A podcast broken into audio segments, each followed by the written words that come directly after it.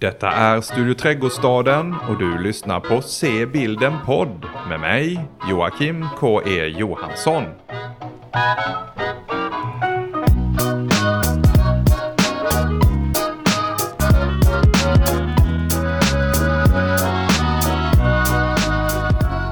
Ja, så var det då dags för ännu ett avsnitt av denna excellenta podd om fotografins ädla konst. Och rättare sagt avsnitt nummer 13.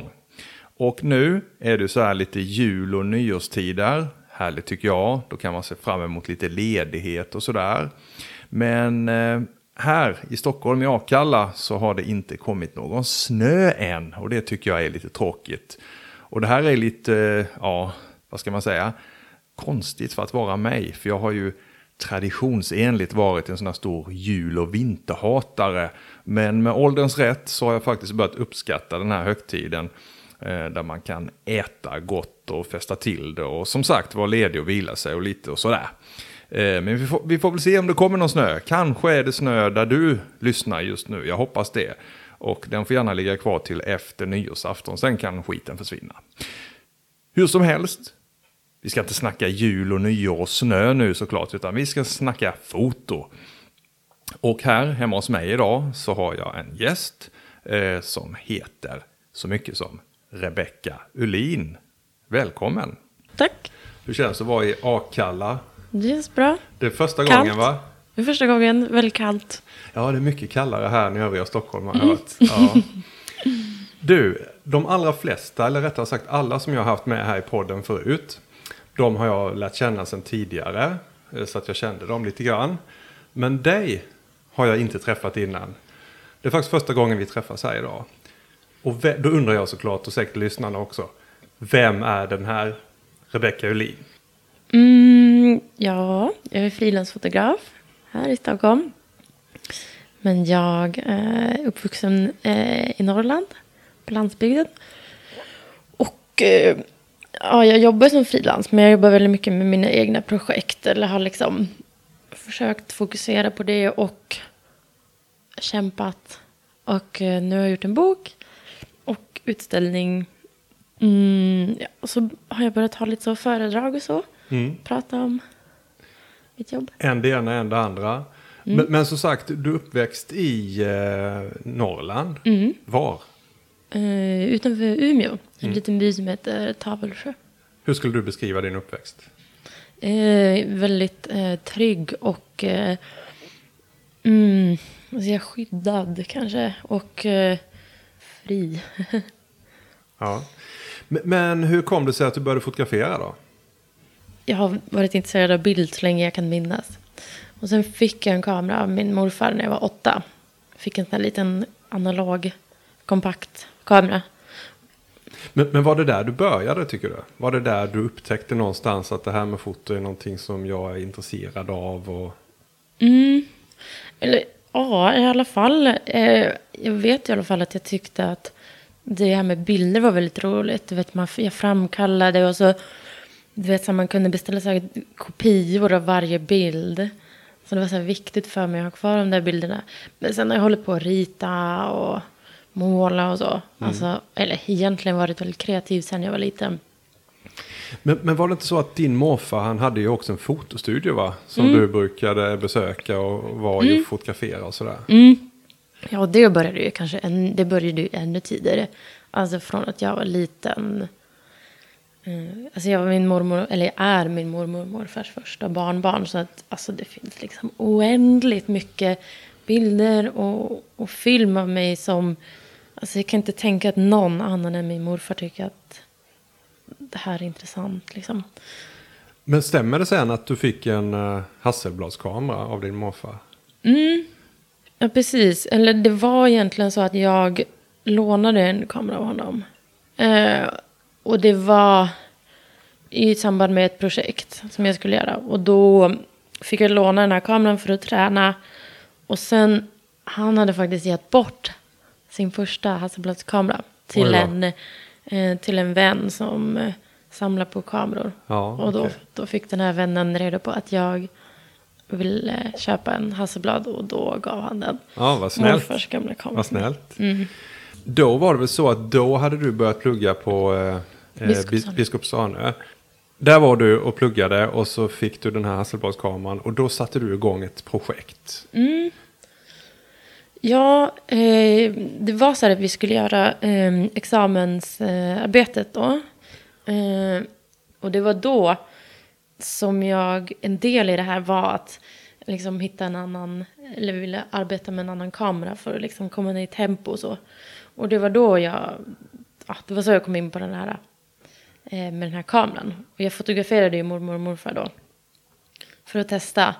Och då, eh, då framkallade jag de här rullarna och så tog jag med dem till skolan. Och det var då hade vi en eh, gäst, eh, gästföreläsare, Anders Petersen. Ja. Så han fick se de här bilderna. Och då sa han, du måste lära dig att ställa skärpan. Okej, ja och, men då... och sen sa han att han tyckte att han såg mina bilder som en kärleksförklaring från mig till mina morföräldrar. Och då, det var liksom där idén föddes. Så det var först liksom ett konkret råd där som Mm. kanske kunde vara lite tufft då. Men ändå beröm, skulle man kunna säga. Han Ja, såg någonting. Fint. Ja, det var väldigt fint. Ja. Och det, och det fortsatte sen, eh, då, då satte du igång och fotografera eh, din mormor och morfar. Och det utvecklades till ett eget projekt då. Som nu har blivit en bok och en utställning. Och du har, den utställningen, när vi spelar in det här så pågår den här på Galleri Axel, så är det va? Och jag bläddrade precis i din bok här förut. Och vi ska prata lite mer om, om dina bilder och din bok och sånt sen. Men, men eh, när du hade pluggat färdigt på Biskops-Arne så har du har jobbat ändå på, en hel, på lite olika ställen. Dagens Nyheter, jobbat för Dagens Industri och sånt där. Så att, Är det det som du då gör för, för din försörjning? Precis, jag, hade, jag gjorde praktik på både eh, Dagens Nyheter och Dagens Arbete. Så jag har gjort lite sådär frilansuppdrag. Men eh, ja, sen har jag haft kortare vikariat på olika dagstidningar. Och, och så nu gör jag liksom frilansuppdrag åt olika magasin och ja, ibland dagstidningar. Men nu, eh, jag söker väldigt mycket stipendier och så. Eh, vilket jag fick från konstnärsnämnden för det här projektet. Vilket var liksom, alltså, helt fantastiskt. Och nu har jag, ja, nu har jag gett ut en bok och ja, börjat prata om projektet och så. Mm. För jag, jag, jag läste på lite såklart Mm. eh, om dig innan eh, du kom hit. Och då hittade jag lite uppgifter om att du har ju fått en del eh, diplom och stipendier. Men du har också vunnit årets bildreportage. Eh, jo, men det var fem år sedan. Det var precis... Eh, det var 2012 och då vann jag det för Eh, de här bilderna som jag då tog när jag gjorde mitt examensarbete. Så det var ju... Det har ju hänt jättemycket med projektet efter det. Så det här var ju liksom bara precis i början. Men eh, det är klart att sånt hjälper till när man söker stipendier och så. Alltså... Ja, det, ja, det ena ger det andra liksom. Mm. Och då var det just då, det här projektet om din mormor och morfar. Mm. Men, om du skulle beskriva det, vad, liksom, vad, vad handlar det om? Eh, Att det handlar om de här två personerna Mm, fattar jag ju. Men mer sådär, vad, Mm. vad är det för, för någonting? Men, ja, men precis. Och det som är eh, spännande med det här projektet är att jag när jag började, jag var ju liksom... Jag skulle lära mig att bli fotograf. Så det här projektet har liksom hängt med mig eh, i sex år och liksom i min utveckling. Eh, så det har ju som utvecklats på vägen såklart också. Men jag är väldigt intresserad av relationer och känslor och sådär. Eh, och jag funderar väldigt mycket på, alltså du vet så här, när man är barn så har man ju som inte riktigt insikt i livets förgänglighet liksom. Och då, då är liksom mormor och morfar liksom lite som superhjältar som alltid finns där. Och, men man har ju liksom inte riktigt insikt i att de är personer, de finns inte, alltså det är inte bara någon som tar hand om mig som när man är liten. Och så blir man vuxen och så börjar man kanske inse det och så har jag liksom blivit, eller liksom haft intresse av att lära känna dem djupare och som ett par, eh, deras relation till varandra och alltså deras generation som har kanske helt, alltså de har ju vuxit upp i en helt annan värld än jag och helt olika förväntningar och sådär från omvärlden. Så, så, men så det här projektet handlar ju om hur jag ser på deras relation, men det handlar ju liksom också om min relation till dem. Och deras generation, som du sa nyss och sådär. Ja, men precis. Och, men, men det blir, eller det som, det som jag tänker är att jag ser ju deras generation utifrån min generation. Alltså, eh, man kan ju bara se utifrån liksom, sina egna erfarenheter. Och jag, eh, jag kan ju fråga dem och så, men jag kan ju aldrig liksom sätta mig in i hur det egentligen var när de växte upp. För, för, för dem är deras, de har vuxit upp är självklart för dem. Men hur skulle du beskriva de, dina bil, bilder där som du har tagit eh, på Aina och Tage? Tänker du berätt, eh, innehållsmässigt? Jag, eller? jag tänker så här, om du skulle beskriva dina bilder som du har tagit på din Mm. mormor och morfar. Vad är det liksom, hur ser de ut och Mm. vad innehåller de och känsla och lite sådär? Mm. Gud vad svårt att beskriva sin egen Mm. För jag tänker det, det är väldigt... Eh, det är väldigt personliga bilder. Mm. Alltså det är, det, det är de i sin vardag eh, som du Mm. har fångat dem. De, de ligger och sover, de är ute i trädgården, de promenerar och sådär. Mm. Jo men alltså bilderna är ju, eller som vi pratade om, de är tagna med en Hasselblads kamera mellanformat. Så de alla är eh, kvadratiska. Vilket gör, det är ju liksom ett, ett format som blir ju statiskt liksom. Det, sagt, det, det blir liksom ett långsammare tempo. Och, men det som är gemensamt tänker jag med alla de här bilderna, att det händer nästan ingenting. Eh, förutom just sådana där eh, vardagsögonblick eh, som jag tänker mig är väldigt så betydelsefulla, men man ser dem inte riktigt. Alltså, typ, jag har en bild där min mormor sitter på, de sitter på trappan så här till verandan och badar fötterna. Och så sitter min morfar bakom och läser en tidning. Eller, ja, eller, ja jo, han läser nog tidningen. Um, och det är som att de är tillsammans, fast de gör inte någonting tillsammans. Eller de bara så här är där tillsammans. Och det tycker jag säger ganska mycket, eller väldigt mycket om deras relation. För det, det är väldigt mycket så hela tiden. De, liksom, de har liksom rutiner. Alltså de bara så här vill vara i närheten av varandra. Mm. För vi pratade om det lite förut och ja, det är ganska, vad ska man säga, bilderna är ganska lugna, harmoniska som du själv sa. Eh, det händer inte så mycket. Eh, jag, jag blir så här lite, de känns trygga på något sätt. Kanske det speglar då din egen upplevelse av den miljön när du var där hos dem. Mm, men precis, jag tror att, eller det är väldigt fint att du säger trygga. Men det tror jag också, eller lite som jag menar att så här, min, min relation till dem spelar ju jättestor roll. Alltså, jag har ju liksom en naturlig plats där. De vill ju att jag ska vara där. Och alltså jag är där och det, det är liksom, jag väntar väldigt mycket. alltså, och det, ja men det händer inte så mycket rent konkret. Jag är där och de är där. Men, men hur mycket tid eh, spenderar du då med, med dem? För att, Mm, alltså jättemycket. och du har hela tiden kameran där, eller ofta i alla fall då? Alltså ofta, men sen så, eh, så kan jag bli lite så här... eh, nej, men du vet så här, eh, jag kanske lämnade den i min lilla stuga när jag bara skulle gå och hämta någonting. Och så är det alltid så här att det kommer något så fint ögonblick som jag bara nej. Men ofta bär jag med mig kameran hela tiden. Mm. Men, men hur reagerar din mormor och morfar på detta då? Att du är där med kameran? För det är ju ändå, bilden är ju hemma hos dem som sagt. Och ganska, även om det inte är avslöjande bilder så där så är det ju ändå deras privatliv, deras som sagt vardag. Hur upplever de det att du är där med din kamera hela tiden? Alltså från början så, ja men du vet det där jag sa om att jag inte kunde sätta skärpan. Ehm, så i början när jag fotograferade då var ju väldigt mycket handlade om att jag skulle lära mig att använda den här kameran. Och jag fotograferade så mycket. Vilket jag kan nu idag förstå att det kanske är lite jobbigt. Men eh, min morfar har ju som sagt varit fotograf, alltid tagit mycket bilder.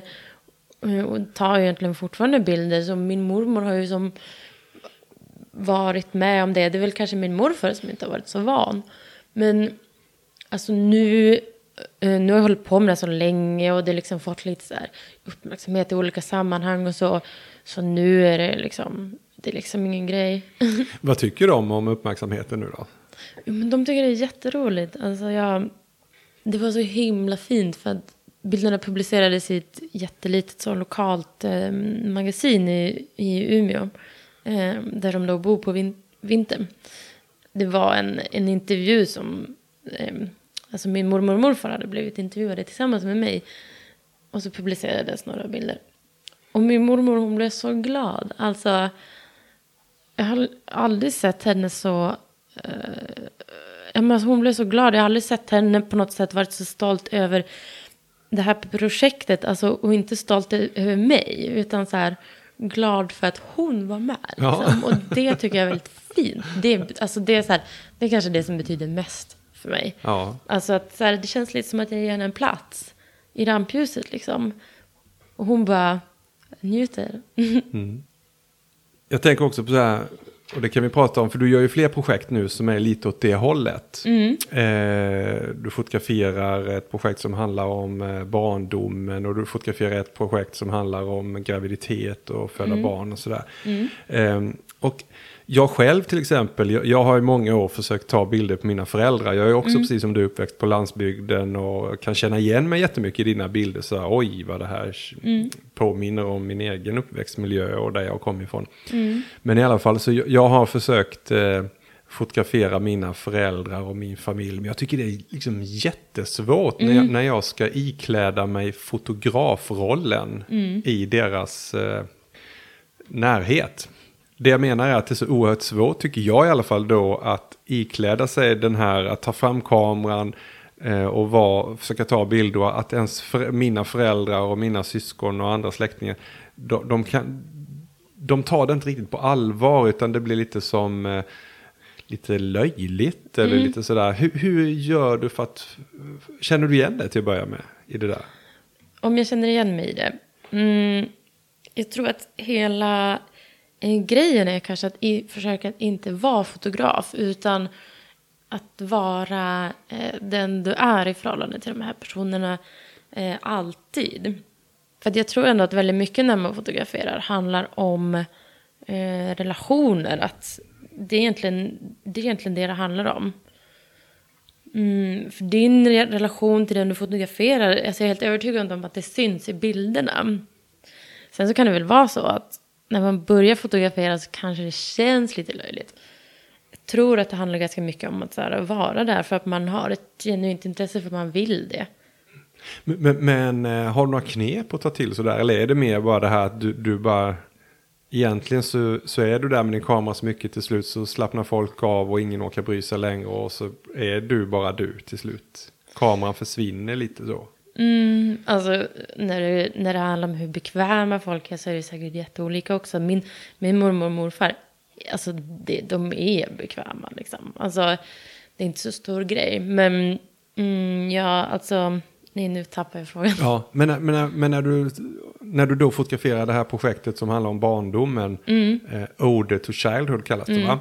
Eh, där har du kanske lite mer vänner och kompisar och andra då framför kameran. Hur, hur, eh, hur hanterar du dem för att de ska slappna av och sådär? som jag sa så tänker jag mig så här att, eh, att allt handlar om relationer. Liksom. Det går liksom inte att komma ifrån. Att, alltså att, mm, mm, precis, allting handlar om relationer. Och, alltså att komma nära någon, det är ju egentligen som vilken relation som helst. Man, man pratar med människor, eller så här, så som man är som person. Liksom. Eh, och i det där projektet så vissa personer känner jag väldigt väl. Till exempel mina systrar är med på lite bilder. Och de, där har jag ju en natur, naturlig nära plats. Men sen så träffar jag också mm, barn och ungdomar som jag aldrig träffat förut. Man har ett genuint intresse. Det, det, det märker människor. Och jag är väldigt sådär äh, medveten om att bli fotograferad innebär väldigt mycket sårbarhet. Eller så ser jag det. Och då det tycker jag, eller jag är väldigt ödmjuk inför att personer litar på mig och vill liksom. Um, det känns lite som att de ger mig någonting när, när, jag låt, när de låter mig um, fotografera. Men, men, du, jag såg på din hemsida mm. eh, att du skrev så här en, ungefär att det personliga är universellt. Mm. Vad menar du med det? Men jag tänker att eh, alla är ju eh, människor liksom. Mm. Om jag liksom möter mig själv, liksom, om jag vågar möta mig själv i vad jag tycker är viktigt så är jag liksom övertygad om att eh, andra människor också kan relatera till det. Inte, ja, lite som det här med projektet med mina morföräldrar. Att jag tror att, jag tror att anledningen till att väldigt många tycker om det är för att eh, de kan relatera. De, eller att, att det är väldigt många som säger, men tänker på min egen mormor och morfar eller tänker på mina föräldrar eller så här, hur de lever eller hur, vilken relation de hade eller liksom att man, ens egen relation till dem eller så. Och det tror jag liksom, alltså det handlar bara om att vara människa liksom. Men, men hur, eh, hur hittar du dina projekt? Eller hur kommer du på de här projektidéerna? Mina idéer kommer liksom bara från vad jag själv är intresserad av eh, i livet i allmänhet. Alltså jag bara, ja men det handlar ju om till exempel det här projektet om graviditet. Det började med att en kompis mig berättade att hon skulle få ett barn och jag blev liksom påverkad rent personligen, privat. Så det projektet är ju liksom, ja men det har ju vuxit fram genom det. Och sen det här med min by, det jag fotograferar, det handlar ju också om att jag börjar tänka på, jag tänker väldigt mycket på varför människor blir som de blir och hur skulle, hur skulle jag kunna vara i ett annat sammanhang? Det går ju aldrig att ta reda på, men jag är liksom ändå intresserad av att så här, komma djupare in i det. Så att, det här projektet då i min by, det är ju, det är, tanken är inte att det ska ses som dokumentärt, det är mer som ett självporträtt. Ja, självporträtt på det sättet att jag ser på min uppväxtort och de här personerna som lever där idag um, utifrån vem jag är idag. Mm. Mm. Det är roligt, det är de här eh, eh, Ode to Childhood som du pratar om där. Och för, som sagt, jag känner igen mig från min egen uppväxt i flera av de bilderna. Vi ska ju strax prata mm. och titta på några av dina bilder och prata om dem. Mm. Men du sa en kul sak förut tycker jag när vi satt och pratade här innan podden om biskop Arnö när du gick där. Att det var väldigt, handlade då i alla fall, för det är ju några år sedan du gick där, att, att det var väldigt mycket känslor. Mm. Är det så, tycker du att, det, att dina bilder bygger på mycket på känslor? Ja, mina bilder bygger väldigt mycket på känslor. Och ja, jo det gör de ju. Och nu är jag ju lite äldre än när jag gick på Biskopsar nu också såklart. Men ja, mina bilder bygger väldigt, väldigt mycket på känslor. Känslor är jätte, jätteviktigt för mig. Och jag är väldigt intresserad av känslor. Alltså mina egna och andra människors. För det var också, också någonting vi pratade om, eh, att det finns ju många som säger det här att man ska fotografera sina känslor. Men jag undrar då hur fasiken gör, gör man det? Eller hur gör du det? Jag tror att eh, men det handlar väl kanske mycket bara om att vara i sina känslor. Alltså jag är ju en väldigt känslomänniska. Mm. Så för mig är det ju inte så långt till mina känslor. Mm. det är ju liksom, alla har ju olika... Mm alla har ju olika egenskaper och delar som man kanske vill jobba på som person. Men, men var det inte så att du lite grann tyckte att det ändå kunde bli för mycket också av det? Ja, men alltså det, så är det väl kanske också när man är ung. Mm. men alltså, alltså rent bildmässigt tycker jag inte att det kan bli för mycket känslor. Jag, jag, nej, jag vet inte hur det skulle vara. men försöker du på något sätt eh tänka annorlunda nu då? När du har blivit äldre? Nu? Alltså nu tror jag att jag mer... Alltså jag tänker mig att när jag var student att jag kanske... Ja, men du vet, jag kanske inte riktigt kunde... Men du vet, det blir lite så här känslor och tankar. Bara en, en blandning liksom. Och nu tänker jag mer medvetet att när jag fotograferar att jag bara går på känsla. Och sen när jag gör urval och tittar på bilden att jag inte börjar tänka eller liksom intellektualisera förrän då. Uh, för att tänka för mycket när jag fotograferar det blir, det blir inte bra. Jag tänkte att vi skulle ta och titta på några av dina bilder nu och prata om hur de kom till. Sådär. Mm. Så då tar jag fram dem på datorn här. Mm. Ska vi se. Jag tänkte, du var ju inne på en förut som du pratade lite grann om. Mm. Eh, din din eh, och Tage sitter där på trappan. Mm. Kan du berätta hur den här bilden kom till? Alltså det, det är ju spännande för att jag har ju tagit så mycket bilder. Det, det, det är många gånger jag liksom inte ens kommer ihåg. Eh, men det, det är intressant för den här bilden, jag kommer ihåg exakt när jag tog den. Eller jag vet inte vad jag gjorde eller vad jag, vad jag höll på med. Men jag vet att jag gick förbi eh, dem när de satt där och att jag bara tog en bild. Eh, alltså det finns bara en bild av den där situationen. Och sen så har det tagit jättelång tid för mig att, att förstå värdet, eller, eller förstå, men se ett värde i den. För att på den här tiden var jag så, eh, jag var så fokuserad vid att jag skulle lära mig rent så här, tekniskt att ta bilder och komponera och så. Ett ljuset är inte speciellt smickrande i den här bilden och sådär. Det är liksom, om man tänker den skiljer sig lite från de andra bilderna, det är ganska så här mjukt och lite disigt och sådär. Och här ligger solen rätt på. Och gud, det är liksom pinsamt att säga det här nu, men då tyckte jag att jag tyckte inte om den bilden då. Vilket kanske också är fint för att jag har liksom, det har vuxit fram. Att jag har upptäckt det mycket senare. Att den här bilden säger så mycket om deras eh, relation. Och som du också sa innan så är det ju en sån här eh, bild där egentligen ingenting händer. Eh, Exakt.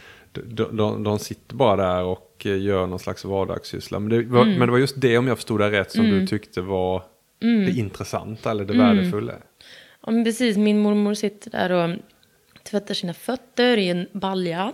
Och min morfar sitter bakom och tittar, läser tidningen. Och alltså de bara sitter där och ja, men de gör ingenting tillsammans. De bara är tillsammans. Och sen så står ju deras eh, vad heter det, träskor. Deras träskor står på eh, trappan där. Precis likadant. Och på tal om känslor då, vad känner du när du, eller kommer du ihåg vad du kände när du tog bilden? Eller var det bara det att då var du inne i det här att du skulle lära dig, hann du reflektera över vad du kände? Alltså jag tror att när jag, när jag tror att, alltså det, det är så märkligt för att en del bilder har jag så här, du vet det är så här känslominne, typ det bara sitter i kroppen att jag kommer ihåg det. Men däremot så, alltså du vet, alltså du vet det var ett klick och sen gick jag. Mm. Men vad känner du nu när du tittar på bilden då?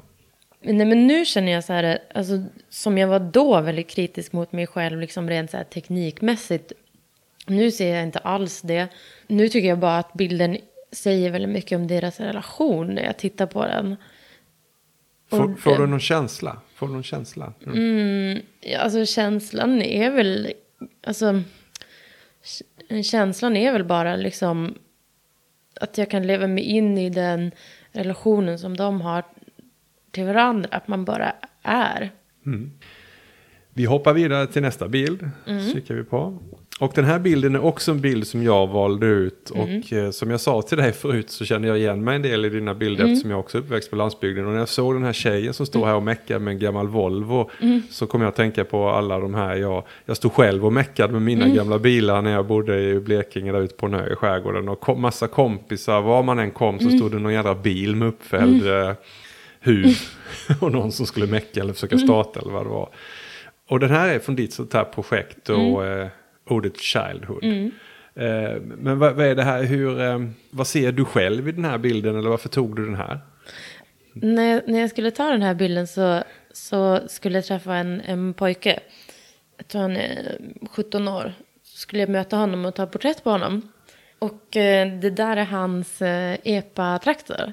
Så vi skulle liksom åka iväg och, och ta lite porträtt sådär. Jag har aldrig åkt epa förut, vilket är lustigt eftersom jag är uppvuxen på landsbygden. Men så kom jag dit och då var hans flickvän där. Och då frågade de få, få, eller så här, om hon kunde få vara med. Och jag sa ja, ja självklart. Liksom. Och när vi tog den här bild, bilden, eller när jag tog den här bilden. Han sitter i, i epan och för att den ska kunna starta. Så, jag vet inte exakt vad hon gör. Ja. Men hon, hon fixar med någonting Ja. under huven samtidigt Det- som han startar epan. Det ser ut som att man försöker ge den lite extra ström där med några startkablar eller något. Ja, okej. Ja, det är i alla fall typisk bild för landsbygden då tycker jag. Jag känner igen mig väldigt mycket i den bilden. Och här kommer då nästa bild som, som är en väldigt fin bild på en eh, ung kvinna som sitter på en häst på ett snö, en snö, snöigt fält skulle man kunna säga. Mm. Och den hade du valt ut, den här bilden ville du prata om. Alltså jag tycker, eller jag tycker jättemycket om den här bilden för att jag tycker att den är väldigt fin. Men för att jag tycker väldigt mycket om, eller hästar är väldigt stor del av min uppväxt. Men och för att den här flickan, jag, Um, jag mötte henne för att vi skulle ta porträtt och, och de, ja, de har hästar och hennes bror var där och hennes lilla syster och hennes mamma. Och de tog ut, ja, det är någon liten ponny som springer lös där runt sådär. Eh, och så frågade jag om jag får ta en bild på henne med, med den här hästen då. Som, ja hon sitter ju barbacka på hästen och eh, den, har, alltså, hon- den har bara en grimma sådär. Alltså hon sitter ju liksom, vad ska man säga, vad ska jag säga? Hästen skulle kunna springa iväg om den ville. Ja. Eh, men jag tycker att den är så fin för den är så stilla. Och jag, mm, jag tycker väldigt mycket om bilden för att jag fick väldigt fin kontakt med henne. Och det betyder väldigt mycket. Alltså i mina porträtt. När jag tar porträtt så betyder det jättemycket för mig vilken relation eh, jag har och skapar med den jag liksom porträtterar. Och då är jag nyfiken igen då såklart kring det här med känslor och sånt. Va- vad har du för känsla, eller får du för känsla när du tittar på den här bilden då? Alltså, för det första så är den väldigt romantisk och liksom stilla och tyst så. Men sen så, för mig så blir det ju liksom, jag får ju väldigt mycket sådär äh, minnen. Eh, alltså jag kan relatera till min uppväxt. Men sen så är det någonting med den här tjejen som är så här, äh, jag kan inte riktigt sätta fingret på det. Mm. För det är nästan, det är en bild som jag känner lite grann, den skulle kunna vara ett skivomslag eller sådär, du vet. Eh, lite, um, nästan också som man får lite vibbar av Game of Thrones eller något sånt. Den här, den här kvinnan på, ja, för er som inte har sett den så får ni, ja, ni får kolla upp det själva på nätet säger jag då. Mm.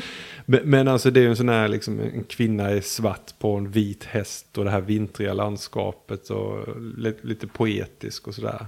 Mm. Då tar vi och hoppar till eh, den sista bilden. Mm. Och om du skulle beskriva den här bilden. Den här bilden är från mitt eh, projekt om graviditet. Det är en triptyk. Till höger, längst till höger är det en, ett porträtt på en, en kvinna som är gravid. Och sen så i mitten så är det en naturbild. Och till vänster så är det ett brev som hon har skrivit. Eller vad man ska säga, en notering som hon skrev liksom när hon var gravid. Mm, så det här projektet handlar ju då om graviditet och förväntningar som man kanske som kvinna i 30-årsåldern har från samhället. Och jo, men jag tänker också så här, vad, som, vad som sker när man ska få ett barn. Alltså rent liksom fysiskt och hur man känner inför det och rent liksom hur, vad som sker med sin egen identitet och sådär. Eh, så jag har, jag har mött, eh, eller jag, jag jobbar fortfarande på det här projektet. Så jag träffar ganska mycket, eh, många gravida personer och liksom så här bildar mig en uppfattning. Och, och så har du så här, som sagt, du har ju text där till vänster och ett porträtt till höger. Och så i mitten har du en naturbild. Eh, hur tänker du när du tar de där naturbilderna? Vad var det för någonting du försökte fånga där i den där naturbilden? Mm, alltså, det är väl lite det som är grejen att eh, när jag tog den där bilden, att jag, jag tänker inte så mycket. Jag försöker, eller du vet så här, jag bara ser och känner. Mm, jag föreställer mig att, eller jag föreställer mig att det sättet jag fotograferar på, det kommer ju som bara ur mig. Det är inte, alltså det är inte speciellt mycket liksom tank så, du vet, jag bara så här experimenterar och fotograferar och sen, men som jag sa i efterhand så, för man, jag har ingen aning, jag vet inte, jag fotograferar analogt, jag har ingen aning vad som ska ske. För, för det, det är så, porträttet är ganska ljust ja? Med ljus bakgrund. Och den här naturbilden är ganska mörk och eh, jag får ju nästan känslan av att det här är min tolkning så den kan ju vara helt fel mot vad du vill. Men nästan som att det är lite, det, det, det är någonting har med döden att göra. Det är, liksom, det, är, det är mörkt, det är natur, jag uppfattar det som höst, natur och, och hon är ljus och här, hon ska föda barn och det är livet. Kan det vara något sånt? Livet och döden, att det hänger ihop. Nu bara, det här är bara vad jag liksom kommer upp med i min skalle. Men det var faktiskt, eller det, det är faktiskt fint att du tolkar det så. För att eh, den här kvinnan, det är en av mina bästa vänner, eh, Ida. Och vi, alltså det var henne jag började med att fotografera, så det var så det kom fram. Och vi pratade väldigt mycket om, mm, ja men, eller hon uttrycker att, så här, att skapa ett liv, det finns ju ingenting som är så konstant annat än död då. Eh, men, men, så det pratar vi väldigt mycket om. Men och sen också att den är mörk, att den där är ljus, det blir liksom kontrast. För hon i den här eh, brevet, eller noteringen vad man ska säga, eh, som hon har skrivit, hon skriver ju också om, ja men, hon skriver ju om liksom rädslan och lyckan och liksom att, alltså, att ha känslor som är både rädsla och sorg och lycka och förväntan. Liksom. När, när du har hållit på med de här projekten nu, eh, både boken och utställning och de här som pågår sådär. Vad, är, vad är det eh, viktigaste som du har lärt dig under, under det här arbetet? Någonting som jag har lärt mig är ju kanske att, att lyssna, alltså liksom att här, lyssna på mig själv, att inte, men att, att göra projekt som känns eh, i mig. För det tror jag, är- jag tror att det, det, det är liksom, det är det som är det mest genuina, det är det som gör att man orkar liksom, orkar också, för det är ganska slitigt mentalt och eh, ekonomiskt och så. Men jag tror det är att, så här, att lita på mig själv och bara så här, göra det jag vill. Och men försöka att inte så här, försöka att inte lägga så mycket vikt vid vad jag tänker att andra tycker. Vilket har varit stor grej för mig. Och, och du nämnde det förut, det här, eller nyss, eh, det här med ekonomi. Hur, hur hittar man ekonomi i sådana här projekt egentligen? Bra fråga. Det, det undrar jag också. Ja. Nej, men det är faktiskt intressant, för det är som att jag fortfarande undrar liksom, hur andra gör. Hur, hur, hur driver de sina projekt? Vilket är intressant, för jag gör ju det själv och har gett ut en bok nu. ja, hur gjorde du då? Ja, eller, för det första så handlar det ju kanske om att vänja sig att inte leva på så mycket pengar. Eh, men det är ju en blandning av att jag har fått stipendier och att jag sparar pengar. Och, alltså det här projektet med min mormor och morfar, det som kostar mest är ju egentligen film och framkallning. Men jag betalar ju, alltså, jag betalar ju inte någonting för att, jag får ju bo gratis där i en stuga, jag behöver inte betala. Eh, jag måste ju betala min egen hyra och sådär, men men ja, så, så det är ju inte, det är inte så kostnadskrävande på det sättet. Men det är ändå så att som, som fotograf och, och den som vill jobba som fotograf med den här typen av projekt får vara inställd på att vara lite sparsam och leva Ja. lite på vad ska man säga, lite lägre ekonomisk nivå och sådär och, och hitta stipendier och sådana saker. Och Snälla människor som vill hjälpa till och sådär kanske. Ja. Men tycker du att det, det här kanske är en fräck fråga rent av, men tycker du att det är värt det? Ja, ja, alltså absolut, annars skulle jag aldrig göra det. Alltså det är ju, det är ju väldigt krävande liksom, men, men det är också helt eh, fantastiskt. Vad är, det, vad är det som är fantastiskt tycker du? Nej, men, alltså jag tycker ju väldigt mycket om att möta människor, bara rent, rent så. Men sen så, alltså jag, jag vet inte, jag älskar bilder liksom. Och, och du nämnde också någonting förut där, du, du sa att det kostar väldigt mycket att framkalla och sådär, för du, du kör ju analogt. Och jag har en liten teori, det här har jag grubblat på länge ska du veta. Jag har nämligen märkt att i stort sett alla fotografer, inte alla, men väldigt många, en överväldigande majoritet av alla fotografer som jag känner till, som fotar seriöst, som gör böcker, ställer ut, så, de där som man har hört talas om, de som liksom är fotografer, de fotar analogt. Eh, tror du, jag tror inte att det är en slump. Hur tänker du kring det? Nej, men det tror inte jag heller. men... Alltså det blir ju kanske en annan känsla när man fotograferar med film. Men sen så tycker jag också om väldigt mycket att så här, sakta ner och... Sakta ner och... Ja, men vara närvarande och fokusera och... Eller det är väldigt viktigt för mig att vara i stunden. Men skulle du kunna tänka dig att fota digitalt istället? Jag, får- jag gör ju digitala jobb, det gör jag ju. Men eh, alltså det, eller jag tänker så här.